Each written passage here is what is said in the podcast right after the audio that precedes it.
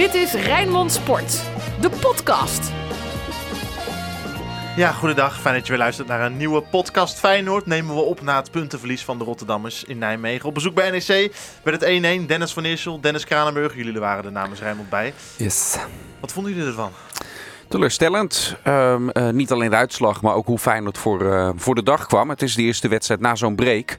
En dan eh, had ik wel verwacht dat in ieder geval die basisvoorwaarden hè, van, van het ja, echt, echt volle bakken voor gaan in een hoog tempo zo'n tegenstander uiteindelijk proberen stuk te spelen.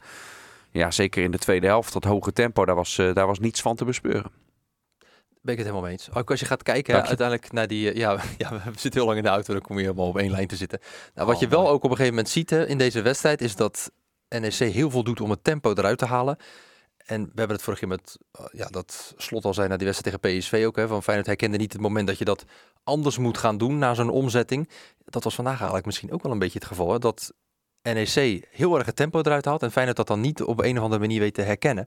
om daar dan toch iets aan te doen. Om toch je eigen spel te kunnen blijven spelen... en niet mee te gaan in het spelletje van NEC. Rood, wit, bloed, zweet. Geen woorden maar daden. Alles over Feyenoord. Laten we beginnen bij het begin, mannen. De opstelling van Feyenoord vandaag. Geen wijzigingen ten opzichte van twee weken geleden tegen PSV. Snapte jij dat, Dennis? Eh, niet helemaal. Eh, bij Geertruiden heb ik inmiddels de uitleg eh, gehoord dat eh, die zelf heeft aangegeven na de wedstrijd met Jong Oranje dat die 90 minuten dat dat toch wel erg pittig voor hem, voor hem was. Dus oké, als je dat dan weet en die speler zegt dat tegen je, dan laat je Pedersen, die het ook weer niet dramatisch heeft gedaan, die laat je staan. Ja, ik had wel verwacht dat Simanski ook met zijn kwaliteiten, dat die weer in de basis zou terugkeren. Idrissi, die ook hiervoor natuurlijk bij een paar bepalende momenten is die, eh, heeft hij er gestaan, de afgelopen wedstrijden. Eh, maar daar gaat ook nog heel veel bij mis. En ik had verwacht dat Duw Roosson wel terug zou keren op de vleugels en, en een basisplek voor Simanski. Eh, dus ja, dat had ik gedacht. En het is ook niet zo dat Idrissi in deze wedstrijd, en dan druk ik mij zeer zacht uit, het ongelijk van hetgeen wat ik net zeg heeft, heeft aangestipt. Want poeh, dat, eh, dat houdt echt nog steeds niet over. Oh, die ging echt heel geforceerd op zoek naar eigen geluk. Hè, Ja, vandaag. nou, dat, daar hadden we tijdens de wedstrijd ook over. Dat op een gegeven moment ga je voor jezelf dan... Ja, je probeert wat aanknopingspunten te zoeken om dan daaraan vast te houden. Om misschien dat vertrouwen terug te kunnen ja, vinden bij jezelf. En misschien de vorm ook wat meer terug te kunnen vinden. Maar als je zo nadrukkelijk op zoek gaat en zoveel dezelfde actie steeds maakt, constant maar naar binnen willen gaan, constant maar dan proberen te schieten. Ja, die verdedigers die zien dat op een gegeven moment ook al een jaar van tevoren aankomen. Dan weet je ook al, het, het gaat hem vandaag niet worden. En ja, dan, ik vind het dan ook wel gek dat hij dan ook constant maar daarna blijft zoeken, weet je. Omdat Ja. het, ja, het maakt het gewoon voor zichzelf ook niet Nou, ook makkelijker. wel weer niet, hè? want hij voelt zelf natuurlijk ook wel aan dat het eh, bij Feyenoord dat hij zijn draai nog niet heeft gevonden, dat het nog niet is wat er moet zijn. En de manier om dat uiteindelijk weg te nemen is de manier zoals hij bij AZ succesvol is geweest. We hebben hem Mm. vaak naar binnen zien komen en zien, zien scoren. Alleen nu is het, je weet al bij elke actie dat hij elke keer datzelfde doet. Terwijl het kan juist een, een, een wapen zijn van een buitenspeler door dat af te wisselen. En het is echt ja, nou laat ik niet overdrijven. Ik heb sowieso drie keer dat ik nu weet dat Lopez er overheen kwam op die linksbackpositie. Dat hij ook de optie heeft om hem mee te geven. En juist om dat af te wisselen. Dus de ene keer kom je naar binnen toe en ga je voor eigen succes. De andere keer geef je hem mee op je bek. Eh, eh, juist die afwisseling zorgt ervoor dat je een tegenstander ook, ook in verwarring bent. Van ja, wat gaat hij nu doen? Neem El Giro Elia, en die haalde echt wel een heel erg hoog niveau, dat weet ik, in het kampioenschap. Maar een van de wapens daarbij, Luis Sinisterra ook. Een van zijn wapens was, ja, hij kan het allebei. En je weet niet welke van de twee die gaat doen. En eh, vandaag bij Idrissi, ja, keer op keer wist je ook al wat hij gaat doen. En als hij dit blijft doen, gaat hij geheid ook een keertje een bal binnenschieten. Dat weet ik nu al, want die kwaliteiten die heeft hij. Alleen ja, het is, eh, het is zo geforceerd wat hij, eh, wat hij nu doet. Dus eh, ik vond hem misschien wel de minste. En wat ook meespeelt daarin is denk ik het tempo. Hè? Want ook daarin lag het tempo steeds ook te laag. Hij kreeg dan de bal, wilde dan een actie maken, maar dat duurde dan ook vaak weer te lang. Waardoor die verdediger alweer en in een goede positie stond. En ook misschien nog wel weer Ja. rugdekking had, waardoor dat ook al verkeken Ja, nou was hij daarin niet de enige. hè, Want dat was Al- echt heel veel 100%, Feyenoorders die in 100%. tempo... Neem Kuksu bijvoorbeeld, die we vaak Ook. lof toedelen. Je hoeft er bijna geen vraag meer te stellen, Jesse. We kunnen het voortaan op de terugrit Oost 2 Ik eh, ga naar huis. op, eh, opnemen. Maar, maar er waren heel veel Feyenoorders die de boel heel erg vertraagden. Wat vonden jullie van eh Duw Roosdoen, die dus de voorkeur kreeg, enigszins verrassend, boven de weer fitte Simanski? Ja, eh, ook, eh, ja, we kunnen het eigenlijk bij alle spelers wel zeggen. Ik vond dat ook dat het ook te langzaam was en ook niet. ik, in de wedstrijd bijvoorbeeld tegen Sparta in de Kuip. Ja, daar zei op een gegeven moment de Guzman volgens mij na afloop van, ja, ik had het zo moeilijk. Hij trok me weg uit mijn positie. Hij was constant een paar stapjes voor. Ja, dat was vandaag helemaal niet het geval. En ik vond hem daarin ook wel gewoon wel zoekende vandaag. Nee, wat voor hem wel heel erg vervelend is, en dat moet eigenlijk echt wel, eh, wel snel stoppen, is dat hij, eh, hij begint dan nu op de teampositie. Op een gegeven moment gaat Jaanbaks eruit, komt Simanski erbij, dan gaat hij naar de rechterflank. Ja. En dan eh, komt op een gegeven moment, ehm, ehm, is, is er nog een. Nee, to- toen ging hij, hij ging eerst, Eerst naar links. eerst nog naar links en toen later ging, ging Jaanbaks, nou ja, heeft hij in ieder geval alle, alle posities heeft hij in ieder geval. Ik, ik kan er zelfs de volgorde niet meer bijhouden. Misschien die jongen zelf ook niet meer. Ja, dat lijkt me niet wenselijk. Het is een kwaliteit dat hij op al die plekken kan spelen.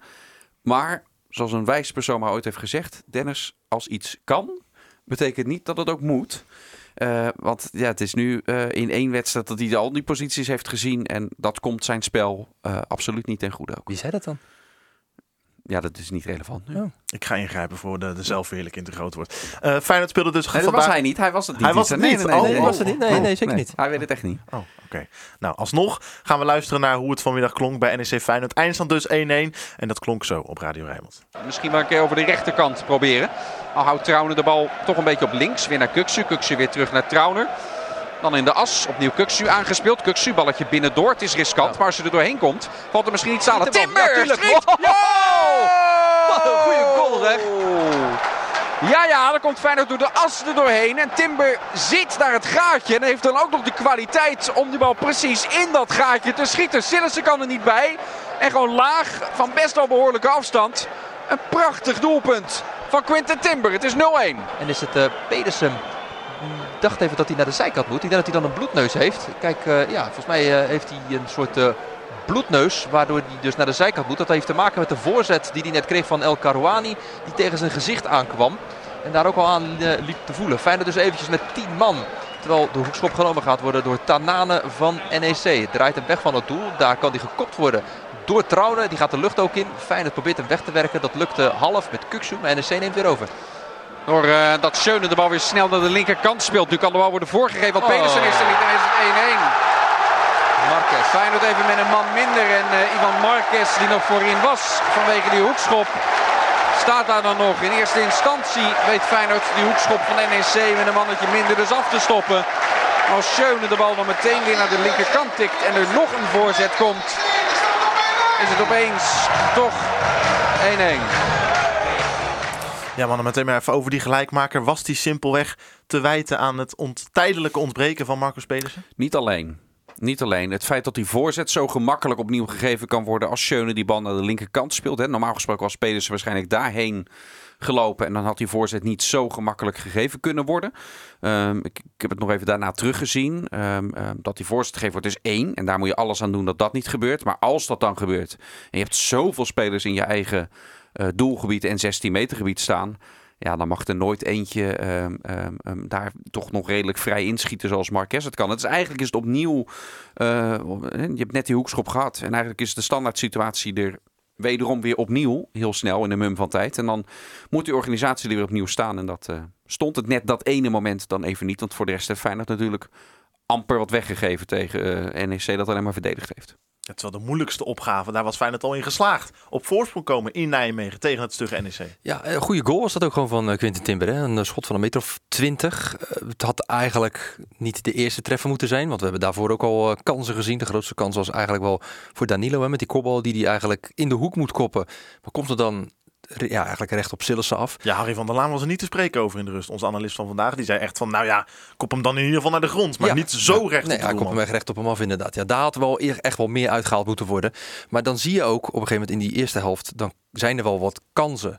Die worden dan niet omgezet op die goal van Timber dan na... wat eigenlijk weer geen kans was, maar een afstandsschot. In de tweede helft hebben we eigenlijk van Feyenoord uit helemaal geen kans gezien. We hebben niet echt gezien dat Sillissen daar werd getest. De ballen die dan op een gegeven moment richting de keeper van NEC werden gegeven. Dan denk je van nou hier gaat een kans aankomen. En dan komt er een voorzet. Die is dan een half uur onderweg. Ja, dan kan Sillissen er makkelijk uitkomen en hem in zijn handen pakken. Daar had Feyenoord echt wel meer eh, moeite om tot kansen te komen in die tweede helft. Ja, in die eerste helft zagen dat er eigenlijk veel meer, eh, ja, veel meer kansen waren. Nou, dat is ook wat je uitstraalt. Hè? Want eh, het vergelijken is niet helemaal eerlijk. Want dat elftal was natuurlijk veel verder dan, dan, dan dit elftal. Maar in het kampioensjaar was ik ook bij NEC Feyenoord. Stond het, eh, toen stond het lang 1-0. Maar op een gegeven moment wist je en je zag het. Feyenoord bleef toen hameren en bleef gaan. En spelers straalden dat ook uit. Het werd, werd aanval op aanval gelegd. En juist bij het Feyenoord onder Arne Slot zien we het wel eens regelmatig. Dat je aanval op aanval hebt, dan voel je het aankomen. Dat was er nu ook niet. Hè? Dus Feyenoord had wel het overwicht, wel het balbezit. Maar het ging in zo'n langzaam tempo van de ene kant naar de andere kant. Het leek, uh, ja, het leek er niet op alsof het heilige vuur er ook was van, uh, van, van we gaan dit NEC uiteindelijk stuk spelen. En dat, dat heb ik echt gemist in deze wedstrijd. Ja, ik, hoor, ik hoorde jullie inderdaad uh, in de slotfase ook echt zeggen. Jij, Dennis, zei een keer toen Kukje zich heel erg opwond hè, te, richting een medespeler, ja. richting de scheidsrechter, dat jij zei van ja, dit pit willen we juist zien. Dit, ja, dat hadden we de hele wedstrijd Maar toen zien. was het al minuut 90. Ja, ja precies. Ja, er zaten we al in de blessuretijd zelfs inderdaad. Ja, nee, dat, en toen dacht ik bij mezelf van waarom kan je je nu dan wel druk maken bij een opstootje ja, praktisch op de middenlijn. Dat ik dan denk van dan ga je daar als aanvoerder de confrontatie zoeken.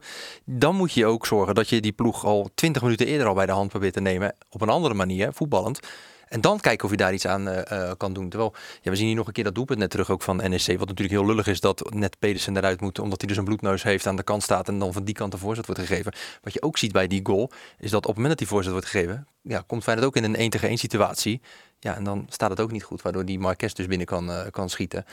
Ja, ik vond ja, over, over dat situatie met Kuksu, over die, uh, ja, die passie en die inzet die je dan eigenlijk gewoon wil zien. Wat dan eigenlijk ook gewoon ontbrak. Hè, omdat het gewoon, het was allemaal matjes. Het was gewoon uh, niet goed. Ja, dan is het jammer dat dat dan in die 3, 94 minuut was, volgens mij 92 minuut, maakt even niet uit. Dat het dan pas gebeurt en niet ja, een, een 20, 25 minuten eerder. Er is ook veel te doen, mannen, over een situatie in de allerlaatste minuut van de wedstrijd. Jasper Sillissen trapt de bal ik denk, uit. Waar, waar blijf je? Ja. Ik begin er bewust zelf niet over. Jasper Sillissen trapt de bal uit. Santiago ja. Jiménez staat, nou ja, wat zal het zijn, 1 meter, 2 meter voor hem. Krijgt de bal tegen zijn rug aangeschoten. Denkt, oh, nou dat is makkelijk. Ziet de bal voor zijn voeten en speelt hem in het lege doel. Maar scheidsrechter Serdar Geuzebuur, ik wil van niks weten, keurt het doelpunt meteen af. Ja, en dan moet je eigenlijk ook, hè, daar, dat is ook zo'n uh, situatie. Waarom laat je hem dan niet doorgaan? Dan kan er altijd naar gekeken worden. Dan zijn ze dus blijkbaar zo gewend om te fluiten van oké, de keeper wordt dus blijkbaar gehinderd met het uh, hervatten van het spel. Ik zou dan bij mezelf denken van laat hem dan doorgaan, kan je het altijd terugkijken. Nu heeft hij dus al gefloten, terwijl hij staat buiten het 16 meter gebied. Hij draait nog met zijn rug weg, dus hij maakt zich volgens mij nog wat smal dat de bal er makkelijk langs kan. Er stond verder niemand in de buurt. Ze kan een andere optie kiezen. En we hebben het ook gehad over de situatie in de Champions League finale Liverpool-Real Madrid. Ja. Met de uh, Karius, de keeper. Ja, daar moest ik echt aan denken. Die gooit ja. de bal uit. En het was Benzema die zijn voet uitstak in het 16 meter gebied. De bal aantikt, waardoor hij het doel inrolt. En iedereen zegt, wow, doelpunt van een fout van de keeper. Terwijl, ja, als je nu gaat kijken naar deze situatie. Ja, hij staat echt ja, in de cirkel van het 16 meter gebied. Hij schiet hem tegen hem aan. Ja, en dan vraag ik me dan af, wat doet Jiménez hier dan fout?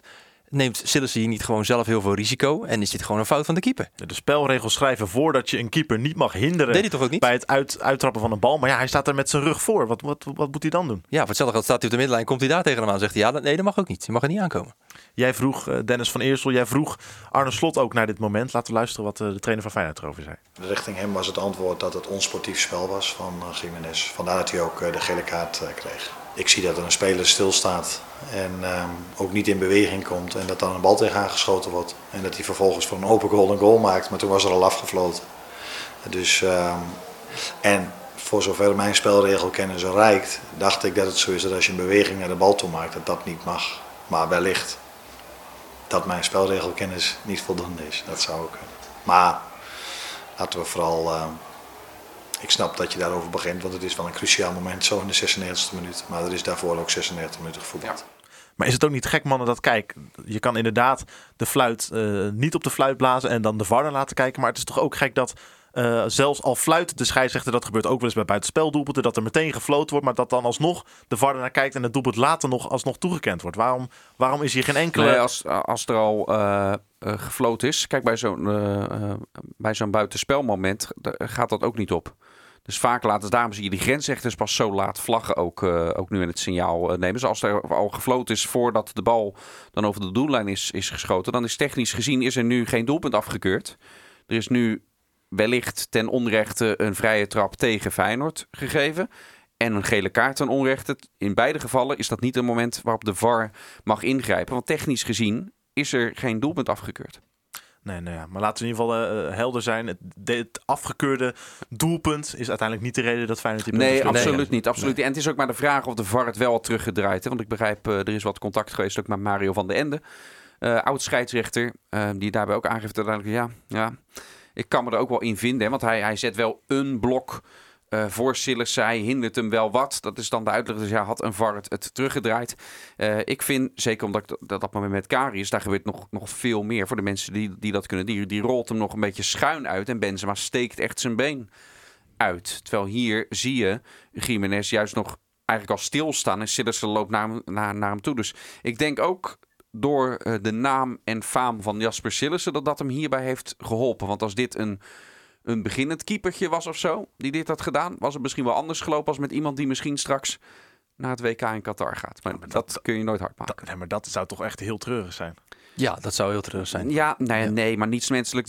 Dit vind ik dan ook weer niet zo gek. Want dit zie je ook bij heel veel spelers richting scheidsrechters. En wat dat betreft is net op, op de werkvloer als er iemand net binnenkomt. Of je nou wil of niet. En of het nou eerlijk is of niet. Dan kun je je net wat minder permitteren dan iemand die al een, een, eh, een gevestigde naam is. Weet je, Dirk Kuyt in zijn laatste seizoen als, als speler. eh, dan zal een scheidsrechter die zal daar net even iets meer van accepteren. Ook al mag het misschien niet. Dan een broekie die net eh, zijn derde wedstrijd speelt. En toch zegt het ook wel wat hè, dat wij het nu hierover hebben. Terwijl, ja, Feyenoord heeft daarvoor in de tweede helft geen kans ja, maar gehad. dat is toch zegt ook heel veel. Slot stipt het aan. Jesse, 100%. Jesse Ja, zegt het net absoluut. ook. Eh, we beginnen er in dit geval de podcast ook niet mee. Dit is niet de reden waarom Feyenoord Absoluut niet heeft Nee. gewonnen. Eh, maar een, een, een cruciaal moment Zeker. is het natuurlijk wel. Ja. De Feyenoorder van de week. Even positief zijn, mannen. Zijn jullie over het algemeen goed in lichtpuntje vandaag aan de kant van Feyenoord? Ja, als ik een lichtpuntje moet noemen, dan ga ik voor Gernot Trauner. Die, ik vond, ja, die vond ik gewoon, ja, zoals ik zo vaak Gernot Trauner gewoon heel goed vind, vond ik hem vandaag ook weer heel goed. En wat wel mooi was, op een gegeven moment zagen we, het was denk ik in de eerste helft, een lange bal vooruit van NEC naar Hansko. En hij dacht al van tevoren, die zou wel eens een beetje hulp nodig kunnen hebben. Nou, en dat bleek ook inderdaad. Trauner ging daar al naartoe, was uiteindelijk degene die daar eh, de helpende hand wist te, te bieden. Ja, ik vond Trauner vandaag echt gewoon weer eh, ja, met kop en schouders gewoon wel weer erbovenuit steken. Echt won zijn duels. eh, sp- speelde de bal ook vaak eh, richting eh, een speler eh, met hetzelfde shirt aan. Wat natuurlijk ook niet onbelangrijk is. Je zag wel ook in de opbouw dat het lastig was. Hè? Dat viel me vooral ook op dat als Feyenoord met heel veel spelers richting de helft ging van NEC. Dan constant zag je ze achterin Hansko, Trauner, Trauner, Hansko. Constant naar elkaar, omdat er geen afspelmogelijkheden waren. Omdat het gewoon veel te druk daar ook was. En als je dan verder vooruit gaat lopen, ga je met z'n allen die terecht erin. Ja, dat zagen we ook, dan kom je er gewoon niet doorheen. Maar ik vond Trauner gewoon echt wel heel goed vandaag. Ja, ik vond trouwens de beste inderdaad. De, de, de, op, de, op de vleugels eh, eh, of de, de backposities zijn nog. Ik vind dat Lopez wel stappen aan het maken is. Zag wel een Zeker. paar keer ook momenten dat ik denk verdedigend geef je net iets te veel ruimte. Maar dat werd al minder dan ik het in de wedstrijden hiervoor vond. Dus dat zou best wel eens echt eh, de nummer één back kunnen zijn als de stofwolken zijn opgetrokken en die concurrentiestrijd is echt gedaan. En misschien is dat nu eigenlijk al, hè, dat hij nu naar de breakte ook staat. Ja. Maar ja, Hartman was ziek. Eh, ze lijken Björkan in ieder geval allebei wel in die pikorde echt wel voorbij te zijn. Eh, en als het eentje, het is de van de week, eh, de Feyenoorder van de week. Weet je, dan pak ik ook Geertruida toch nog erbij. Wat ik zeg, anders, anders ga ik in de vallen, pak ik ook Trouwen. Omdat Geertruida is best knap als je bij, bij Jong Oranje, nadat hij een tijdje niet heeft gespeeld, is die volle bak gegaan. Valt nu in. Ik vond hem wel, dat, dat gif uitstralen, alleen was in die fase was het al wat, wat te laat. Ja. Eén keertje had hij wel echt beslissend kunnen zijn. Dan had ik het zonder twijfel had ik hem gekozen. Op het moment aan die rechterkant dat hij erdoor kwam. Ja, Dat ging wel goed, want hij had wel dat gif en die power die we van hem kennen. Dus dat was mooi. Alleen daarna, ja, jas die bal voor of, of, of schiet desnoods zelf. Dit zat er net een beetje tussenin. En daardoor het zal Ja. waarschijnlijk de samenvatting niet eens hebben gehaald uiteindelijk dat moment. Maar goed, hij is terug. Een eh, belangrijke speler uit eigen kweek. Eh, dus laten we hopen dat hij snel weer klaar is om eh, 90 minuten te, te vlammen. Dus het is ook een beetje een, eh, een eh, hoe noem je dat? Een, eh, een, een steuntje in de rug eh, dat, we, dat ik dan, eh, dan voor Lutja ga. het is wel wonderbaarlijk als wij hadden gezegd... toen het nieuws bekend werd dat Lucero Geertruida de ziekte van Vijver had... en je had gezegd tegen NEC doet hij alweer mee... Mhm. dan had je, dat hadden we allemaal gezegd dat kan niet. Ja, omdat toen ik dit, dit hoorde, en dat was volgens mij bij die persconferentie in Rome, niet eens al te lang geleden. Ja. Ja, ik heb bij ziekte van Pfeiffer nog steeds het beeld van wat het was toen eh, eh, in de, de, de, mijn tijd op de middelbare school, dat het, eh, dat het, dat het rondging, hè, die fase. Toen ik, ik had het zelf in die Ja. middelbare schooltijd. Ik heb toen Ja. zes maanden last van gehad. Kijk, ik ben inmiddels al zo lang gezetteld, dat dan hoef ik voor de kissing disease niet meer, niet meer bang te zijn, want ik vertrouw mijn vrouw daarin volledig en zij mij. Jawel, dat kan. Ehm, dus, dus ik heb al heel lang niet meer van de ziekte van Pfeiffer gehoord. Ik zag de radertjes draaien. Oké, niks verkeerd zeggen. Dennis, niks verkeerd Nee, zeggen. dat is toch niks verkeerd? Jij vrouw luistert dus naar deze podcast. Dan maak ik hier het op. Soms. Ja. Heel goed. Blijf dat vooral doen, eh, mevrouw van Eersel. Zullen, zullen we gaan voorspellen, man? Yes. De glazen bol. Maar dit is inmiddels door iemand anders ook ingesproken. Maar we hebben nog even diversie met Kranenburg. Ja joh, lekker man. Het is wel, het is wel een hele, hele, hele mooie versie. De glazen bol, man. De komende donderdag. FC, wat was het? Legoland of Michieland? Zullen we maar, gewoon- FC Midtjylland. zullen we maar gewoon Michieland doen? Ja. Ja. Uit. Wat denken we ervan? Ehm, gelijkspel. Ja. En wel doelpuntrijk natuurlijk, want het is een, een Arne Slot wedstrijd. En, en eh Mietjeland speelt ook best wel aanvallend van wat ik, van wat ik begrijp. Ja, iedereen begint steeds te lachen als ik het, als ik het zeg. En nu ga ik het benoemen, dan kunnen mensen het helemaal niet meer horen. Maar mensen beweren steeds dat ik Midgetland zeg. Ja, dat zeg maar nu ook. zeg ik Midgetland, want ik zeg FC Midtjylland. Dat is toch niet hetzelfde? Bureau-redacteur Sjoerd de Vos staat hevig ja te knikken achter het raam. Maar dat is toch niet hetzelfde? FC Midtjylland. Ja. Dat is toch niet Midgetland, wat ik zeg? Nee, Ja. nee. Maar goed, 2-2 zeg ik. En de eerste goal van Feyenoord is een goal van, eh van Orri, want het is penalty. Oh. In, Europa, in Europa krijgt Feyenoord wel, eh, wel soms een penalty. Daar wel, oké. Ja. Ik denk dat eh, Feyenoord daar wel gaat winnen. Zeker als je kijkt naar de resultaten van eh eh Midtjylland. Tuurlijk hebben ze die ruime overwinning op Lazio geboekt. Hè. Ze hebben vandaag trouwens gespeeld tegen Jij, zegt, Viborg, jij zegt toch precies 1-1. hetzelfde zoals ik het uitspreek? Midtjylland. Midtjylland. Misschien, misschien Ja. heb je... Ik ga, ze, ik, blijf ze, ik ga gewoon FC Legoland zeggen dan de komende week. Ik ben het beu. Ik Ja. ben het beu. Kijk, en, en, en zij staan in die eh Deense competitie ook een beetje in de middenmoot. Hè. Eh, dus ik Nou, een denk, beetje. Ja, een beetje. Is het, nou, ik heb hier de stand eh, Vandaag voor weer 1-1 gespeeld hebben Ja, ze. hè? tegen Viborg. Ja. Dat is wel altijd lastig. Ehm, Maar eh Viborg staat trouwens derde. Ehm, maar eh, ik denk dat Feyenoord wel gaat winnen. Ik ehm, ga denk ik voor, eh, nou laat ik het gewoon positief doen, 1-3. En de eerste Feyenoord goal, die wordt gemaakt... Oeh, ja, en dan eh, ga ik... eh Simanski, Moeilijk. Die gaat hem maken. Je kijkt hierbij alsof, alsof je Einstein bent die in een moeilijke formule zit. Ja, nou, zo voelt het ook wel een Het is beetje. toch gewoon, het is toch gla- gewoon glazen bol, man. Doe niet zo moeilijk. De glazen bol. Het is ook allemaal wat. Dus Sinclair die was hier gewoon altijd kort, kort en bondig in. 1-3, Simanski. Precies. 0-0-2, Danilo. Ben ik even kort en bondig namens Sinclair. Heerlijk. Hoe was het, eh, Dennis Kranenburg? Je eerste officiële dag als Feyenoord Watcher? Ja, dat was natuurlijk hartstikke leuk. En, eh, Bisschop terug. We willen Bisschop terug. Ja, aan de andere kant, ze zijn nog wel ongeslagen hè, sinds ik er ben. Dus ook, Ja, het ook wel, eh, ik had ook positief Wat zeg je, benaderen. Dick? weer, fleuren. Nee, ja, hartstikke leuk natuurlijk. Weet je. wel. Dit is uiteindelijk waarom ik ooit dit werk wilde gaan doen. Om eh, ja, verslag te mogen doen van Feyenoord. Ik weet nog dat ik als eh, kleine jongen naar de radio zat te luisteren. En eh, naar de verslagen destijds van eh, Hans van Vliet. En eh, toen dacht ik van, ja, het zou toch gaaf zijn als je dat ooit voor je werk mag doen. Ja, dat je dit nu ook echt voor je werk mag doen is natuurlijk echt geweldig.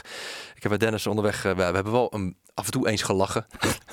we hebben 2,5 uur in de auto gezeten. We hebben drie uur gelachen ongeveer in de Ja, auto. ah ja, keurig. Dus nee, dus dat was hartstikke leuk. Ja, en ik vind het heel tof om dit, om dit te mogen doen natuurlijk. Mooi dat er nog maar velen mogen volgen. Zeker. Mannen, bedankt voor vandaag. Tot Yes. eh, donderdag. Legoland uit. Jij bedankt voor het luisteren. Midgetland. Midgetland.